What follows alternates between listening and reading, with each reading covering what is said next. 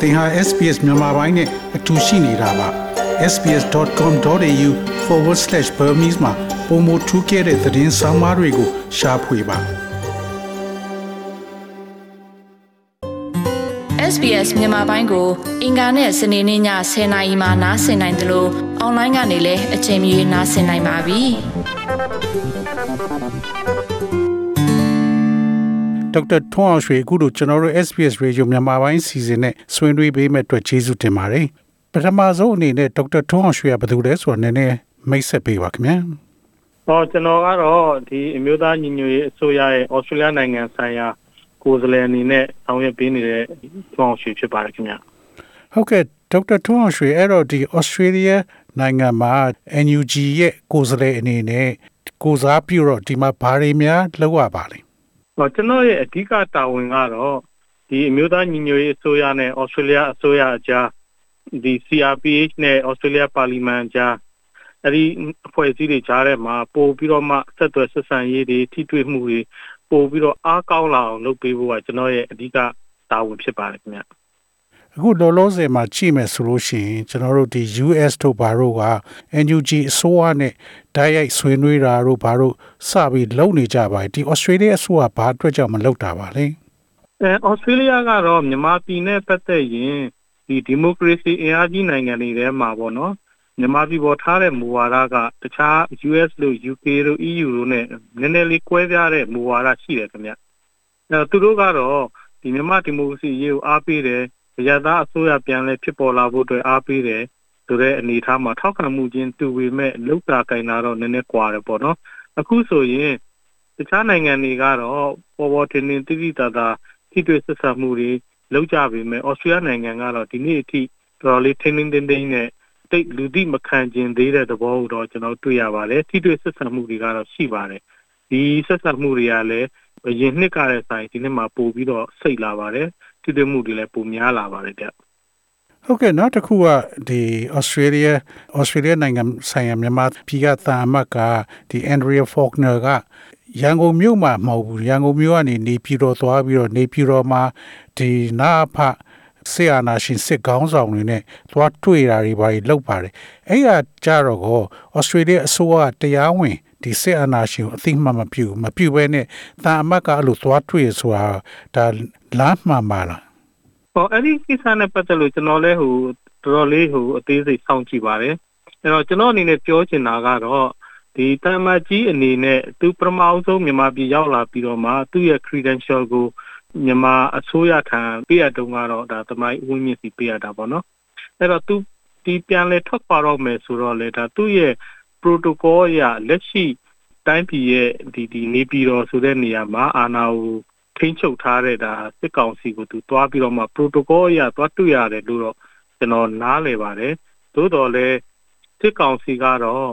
ဒီနေသားပေါ်မှာကောင်းကောင်းကြီးနိုင်ငံရေးရအမျက်ထုတ်အသုံးချသွားတာကိုတွေ့ရပါတယ်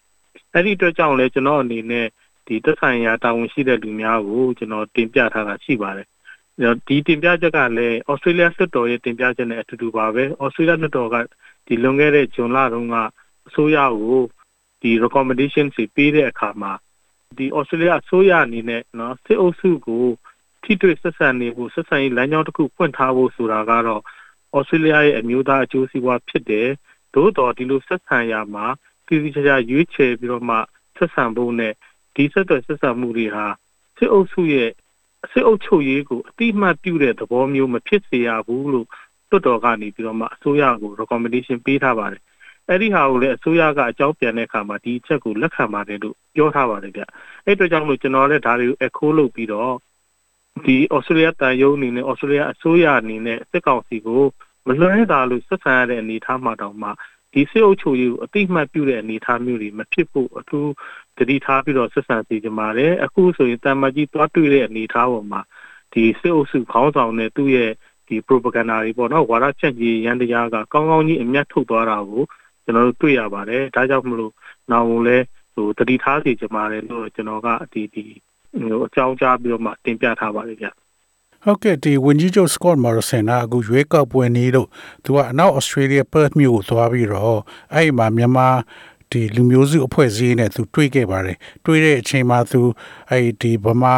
ဒီအရေးအတွက် Australian dollar တန်90ဒုက္ခသည်4000လက်ခံမယ်လို့ပြောထားပါတယ်ဒါပေမဲ့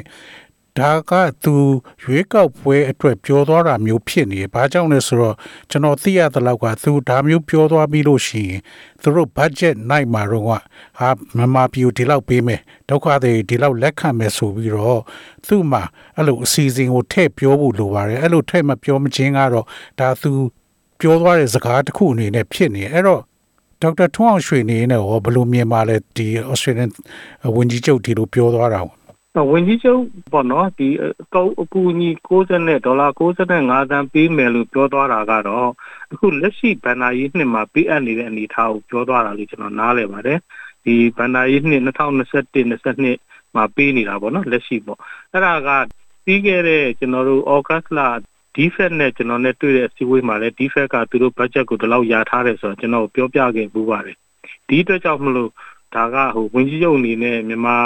community ကိုဒါအစိုးရကဘယ်လိုကူညီပေးနေတယ်ဆိုတာကိုသိတာအောင်ပြောတဲ့စကားလိုပဲထင်ပါတယ်ရှေ့လာမဲ့ budget year အတွက်ကိုတော့ကျွန်တော်ဆက်ပြီးတော့စောင့်ကြည့်နေပါတယ်အဲ့ဒီအတွက်တော့ figure စီကျွန်တော်မသိရသေးပါဘူးဒါတစ်ချက်ပါဒုတိယကတော့ဒီမြန်မာနဲ့ပတ်သက်လို့ဒီ refugee တွေကိုပို့ပြီးလက်ခံမယ်ဆိုတာကတော့ဟိုတစ်ဖက်ကဆိုတော့ကျွန်တော်တို့ကြိုးစားမဲ့အချက်လို့ထင်ပါတယ်ဟို NUG အနေနဲ့ရော မြန်မာ diaspora community စီအနေနဲ့ကရောဒီချက်ပေါ်မှာထောက်ပြခဲ့တာကြားပါပြီအဲတော့ခုကတော့ဝန်ကြီးချုပ်ကအရင်စစ်အာဏာရှင်ဗိုလ်တန်းရွှေတို့ဗိုလ်ခင်ကြီးတို့ခေတ်တုန်းကမြန်မာဒုက္ခသည်တွေကိုလက်ခံတဲ့နှုံးသားအဆင့်ကိုပြန်တင်ပေးလိုက်တယ်လို့ဒါသူ့မိကုန်းထဲမှာပါတယ်ပေါ့လေအဲတော့အရင်အခြေအနေမျိုးလို့သူကသဘောပြန်ထားတယ်ပေါ့ဆိုတော့ဒါကတော့ပြန်ပြီးမှကျွန်တော်လည်း welcome လုပ်ပါတယ်အထူးသဖြင့်တော့သူ့မိကုန်းမှာကျွန်တော်တကယ် welcome လုပ်တဲ့အချက်ကတော့ ဒီအိန္ဒိယမှာရောက်နေတဲ့မြန်မာဒုက္ခသည်တွေထိုင်းမှာရောက်နေတဲ့မြန်မာဒုက္ခသည်တွေကိုဒီ UK US လို like minded countries တွေနဲ့ပူးပေါင်းပြီးတော့မှဒီဒုက္ခသည်များအတွက်ဒီဒေသခံအစိုးရတွေနဲ့ပူးပေါင်းညှိနှိုင်းပြီးတော့မှဒီစီစဉ်ဆောင်ရွက်ပေးမယ်ဆိုတဲ့အချက်ကတော့ကျွန်တော်တကယ် welcome လုပ်ပါတယ်အထူးသဖြင့်အိန္ဒိယမှာရှိတဲ့ဒီမြန်မာဒုက္ခသည်တွေအတွက်ကတော့အားရစရာပါပဲဟုတ်ကဲ့နောက်တစ်ခုကသူကဒီသူတို့ကြီးညာသွားတဲ့ budget ထဲမှာဒီယူ ကရိန်းကလူတွေဘယ်လောက်လက်ခံမယ်ပတ်စံတွေဘယ်လောက်သုံးမလဲအတိအကျသူဖော်ပြသွားတယ်အာဖဂန်နစ္စတန်ကလူတွေဘယ်လောက်လက်ခံမယ်သူတို့အတွက်ငွေဘယ်လောက်သုံးမယ်ဆိုဒီ budget ထဲမှာထည့်ပြီးပြသွားတယ်မြန်မာတွေအတွက်ကြတော့အဲ့လိုအတိအကျမပါတဲ့အတွက်ကြောင့်ကျွန်တော်တို့ဒီမြန်မာလူမျိုးစုထဲမှာအတော်များများပြောနေတာက Australian အစိုးရကဒါ racist ဖြစ်တယ်အသားရောင်ခွဲကြတယ်ဒီ Ukraine တို့အသားဖြူတဲ့လူကြတော့သူတို့ပတ်စံနေအများကြီးပေးတယ်လက်နက်တွေပေးတယ်သူတို့အဲ Ukraine သမရတော်ကျွန်တော်ပါလီမန်ထဲမှာဒီဗီဒီယိုလိန့်နဲ့စကားပြောခွင့်ပေးတယ်ဒါတွေလုပ်တယ်ဆိုတော့မြန်မာလူမျိုးထဲမှာတော့ Australian အစိုးရကိုမြင်နေတာကတော့သူတို့ကအတော်လေး racist ဖြစ်တယ်လို့မြင်ပါတယ်ဒေါက်တာထွန်းအောင်ရွှေအနေနဲ့ရောအင်းကျွန်တော်ကတော့လေအဲ့လိုမျိုး UNG အစိုးရကိုယ်စားလှယ်အနေနဲ့တော့အဲ့လိုမျိုးပြင်းပြထန်ထန်တော့ကျွန်တော်မပြောလိုပါဘူးမပြောလည်းမပြောချင်ပါဘူးသို့တော့ဒီယူကရိန်းနဲ့မြန်မာနဲ့ရှင်ကျင်တော့ကွဲပြားမှုတွေလည်းအများကြီးရှိတယ်တူညီမှုတွေလည်းအများကြီးရှိပါတယ် အဲကွဲပြားမှုကတော့ဒီတကယ်ကမ္ဘာထိပ်ဆုံးထိပ်တန်းအင်အားကြီးနိုင်ငံတစ်ခုကအိန္ဒိယချင်းနိုင်ငံငယ်တစ်ခုကိုကျူးကျော်တယ်ဆိုတဲ့ဒါ scenario ပေါ့နော် Ukraine case ကတော့ကျွန်တော်တို့မြန်မာကတော့ကိုပြည်တွင်းထဲမှာဒီအရသာအစိုးရကိုစစ်တပ်ကတရားလက်လို့ဥပဒေမဲ့ဒီအာဏာသိမ်းပြီးတော့မှအာဏာကိုတရားမဝင်ရယူထားတဲ့အနေအထားပေါ့လေအဲ့တော့ဒီအနေအထားနှစ်ခုတော့ကွာတယ်ပေါ့သို့တော့တူညီမှုတွေကတော့ဒီ humanitarian point of view ကကြည့်ရင်ဒီအာဏာရှင်စနစ်အောက်မှာ စစ်ရာဇဝတ်မှုတွေလူသားမျိုးနွယ်ပေါ်ကျူးလွန်တဲ့ရာဇဝတ်မှုတွေကအထင်ရှားတွေ့ရပါတယ်ဒုက္ခရောက်နေတာလည်းအတူတူပါပဲအဲ့တော့ကျွန်တော်တို့ကတော့ပြောတဲ့အခါမှာဒီလူသားချင်းစာနာထောက်ထားမှုရှုတော့ကနေကျွန်တော်တို့ပြောတင်ပါတယ်ကျွန်တော်တို့အရေးဆိုတင်ပါတယ်အဲနောက်တစ်ခုကတော့ကျွန်တော်တို့မြမအရေးနဲ့ပတ်သက်လို့ဒီတိတိတသာထောက်ပံ့မှုတွေမရသေးတာအတွက်တော့ကျွန်တော်တို့မှလည်းဒါဟိုပို့ပြီးတော့မှအခုလက်ရှိလုပ်နေတာပြောနေတာတွေနဲ့ပို့ပြီးတော့ကြိုးစားရမယ် အနေထားရှိတယ်လို့ကျွန်တော်တို့ယုံကြည်ပါတယ်ပို့လည်းစူးစမ်းနေပါတယ်ဟုတ်ကဲ့နောက်တစ်ခုကဒီစစ်အာဏာရှင်ကိုဩစတြေးလျတရားရုံးမှာတရားစွဲမယ်ဆိုတဲ့သတင်းတွေကျွန်တော်ကြားလိုက်လို့ပါအဲ့ကဒီ NUG အနေနဲ့ရောဒါမျိုးဒီမှာတရားစွဲဖို့ဟာကလွယ်ကူပါမလားနောက်ပြီးတော့ဒီငွေကြေးအကုန်ကြရောဘယ်လောက်ရှိမှထင်ပါလဲနံပါတ်1မေကွန်းဖြစ်တဲ့လွယ်ကူပါမလားဆိုတာကတော့တော်တော်ကိုမလွယ်တဲ့ကိစ္စလို့ကျွန်တော်နားလည်ထားပါတယ် ဘာကြောင့်လဲဆိုတော့အရှင်အစဉ်ဆက်ဒီဒီ universal jurisdiction ရဲ့ principle တွေအောက်ကနေဒီတရားစွဲဖို့ကြိုးစားခဲ့တဲ့အစဉ်လာတွေရှိပါတယ်ဒီနေ့ထိအောင်မြင်ခဲ့တာမတွေ့ရပါဘူးအောင်မြင်ခဲ့တဲ့ case တွေမရှိပါဘူးနောက်တစ်ခုကဒီလိုအောင်မြင်ဖို့ကလည်းနံပါတ်1က political will ပေါ့နော်ဒီနိုင်ငံရေးအတိုင်းဝိုင်းကလည်းနိုင်ငံရေးရပ်ဝန်းကလည်းဒီလိုမျိုးတင်လာတဲ့ပုံမှာဒီထောက်ခံမှုတွေနော်အပြူသဘောဆောင်တဲ့ပံ့ပိုးကူညီမှုတွေရဖို့လိုပါတယ်အဲ့ဒါက challenge တစ်ခုပါ ဒါကလည်းဩစတြေးလျရဲ့တမိုင်းကြောင်းမှာလည်းရှိခဲ့တဲ့ဒီဟိုအနေအထားတွေရှိတယ်အဲ့ဒီအနေအထားတွေကြောင့်လည်းနိုင်ငံရေးရပ်ဝန်းကနည်းနည်းလေးဟိုလက်တွနာတွေရှိတယ်ဥပမာအပြင်ဟောပေါ့နော် aborigine တွေကိုနမဲလိုက်တယ်လို့လုပ်ပြီးတော့မှနေနေခဲ့တာတတ်ဖြတ်ခဲ့တယ်ဆိုတဲ့ຢာစုကြီးရှိတယ်ဒါတွေဒီလို okay တွေကခုလို case တွေကြောင့်ပြန်ပေါ်လာမှာကိုစိုးရိမ်နေဆိုတဲ့စိုးရိမ်ချက်တွေလည်းကျွန်တော်ကြားရပါတယ်နောက်တစ်ခုကတော့ Australia အစိုးရအနေနဲ့လက်တလောမှာတောင်မှ Australia ရဲ့ Special Forces တွေက ဒီ Afghanistan မှာဒီ war crimes တွေကျူးလွန်ခဲ့တဲ့ဆိုတဲ့ဆွဆွဲချက်တွေနဲ့ဒါပေါ်မှာစီစဉ်ဖြည့်ရှင်းနေရတာရှိတယ်ပေါ့နော်။ဆိုတော့အဲ့ဒီလိုအနေအထားတွေကြောင့် political will ကတော့ကျွန်တော်တို့ရဖို့ကတော်တော်လေးစူးစမ်းမှဖြစ်ပါမယ်။ဒီအတွက်ကြောင့်လည်းကျွန်တော်အခုတက်နိုင်တဲ့လောက်နိုင်ငံရေး politicians တွေနဲ့ကျွန်တော်တွေ့တဲ့အခါ MP တွေနဲ့တွေ့တဲ့အခါမှာလည်းဒီအကြောင်းအရာကိုကျွန်တော်တင်ပြပါတယ်သူတို့ရဲ့ကူညီမှုနားလည်မှုထောက်ပံ့မှုတွေရဖို့ကျွန်တော်ကြိုးစားနေပါတယ် တစ်ဖက်ကလည်းဩစတြေးလျမှာဒုတိယ challenge ကပါလဲဆိုတော့ဒီလိုအမှုခင်းတွေပေါ်လာရင်ဒါကိုဘယ်လိုကင်တွယ်ဖြေရှင်းမယ်ဆိုတော့ proper ဒီ law enforcement mechanism ဒီမှာမရှိသေးပါဘူးသူတို့ဖြင့်ဒီလို case ကိုမှာ attorney general ပေါ့နော်ရှင်းနေချုပ်ကလက်ခံလိုက်ပြီးတော့မှ Federal Police ကိုဒီ case အပ်လိုက်တဲ့အချိန်မှာ Federal Police မှာဒီလို case ကိုဒီစုံစမ်းမေးမြန်းမှုအတွက်တီးတန့်ထားတဲ့တီးတန့်ဖွဲ့စည်းထားတဲ့ task force မရှိသေးပါဘူး။ ဒါကြောင့်မို့ဒါလည်း challenge တစ်ခုပါ။အဲ့တော့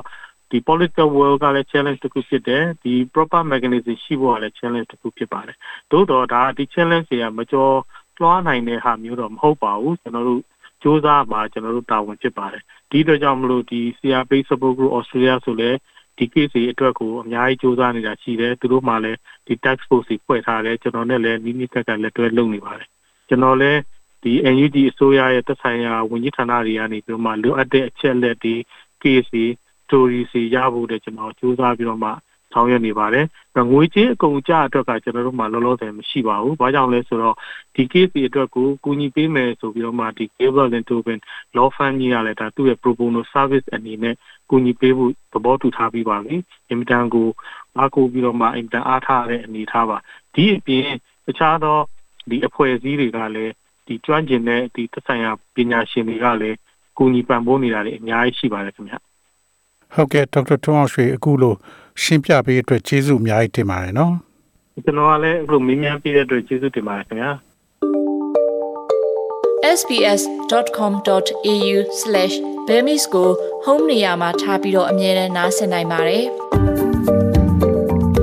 နောက်ဆုံးရသတင်းတွေ၊စောင်းမားတွေနဲ့စစ်တမ်းတွေမှာပါဝင်ပြီးတော့ဆက်သွယ်မှုလုပ်နိုင်ပါတယ်။ sbs.com.au/bemis ဖြစ်ပါတယ်ရှင်။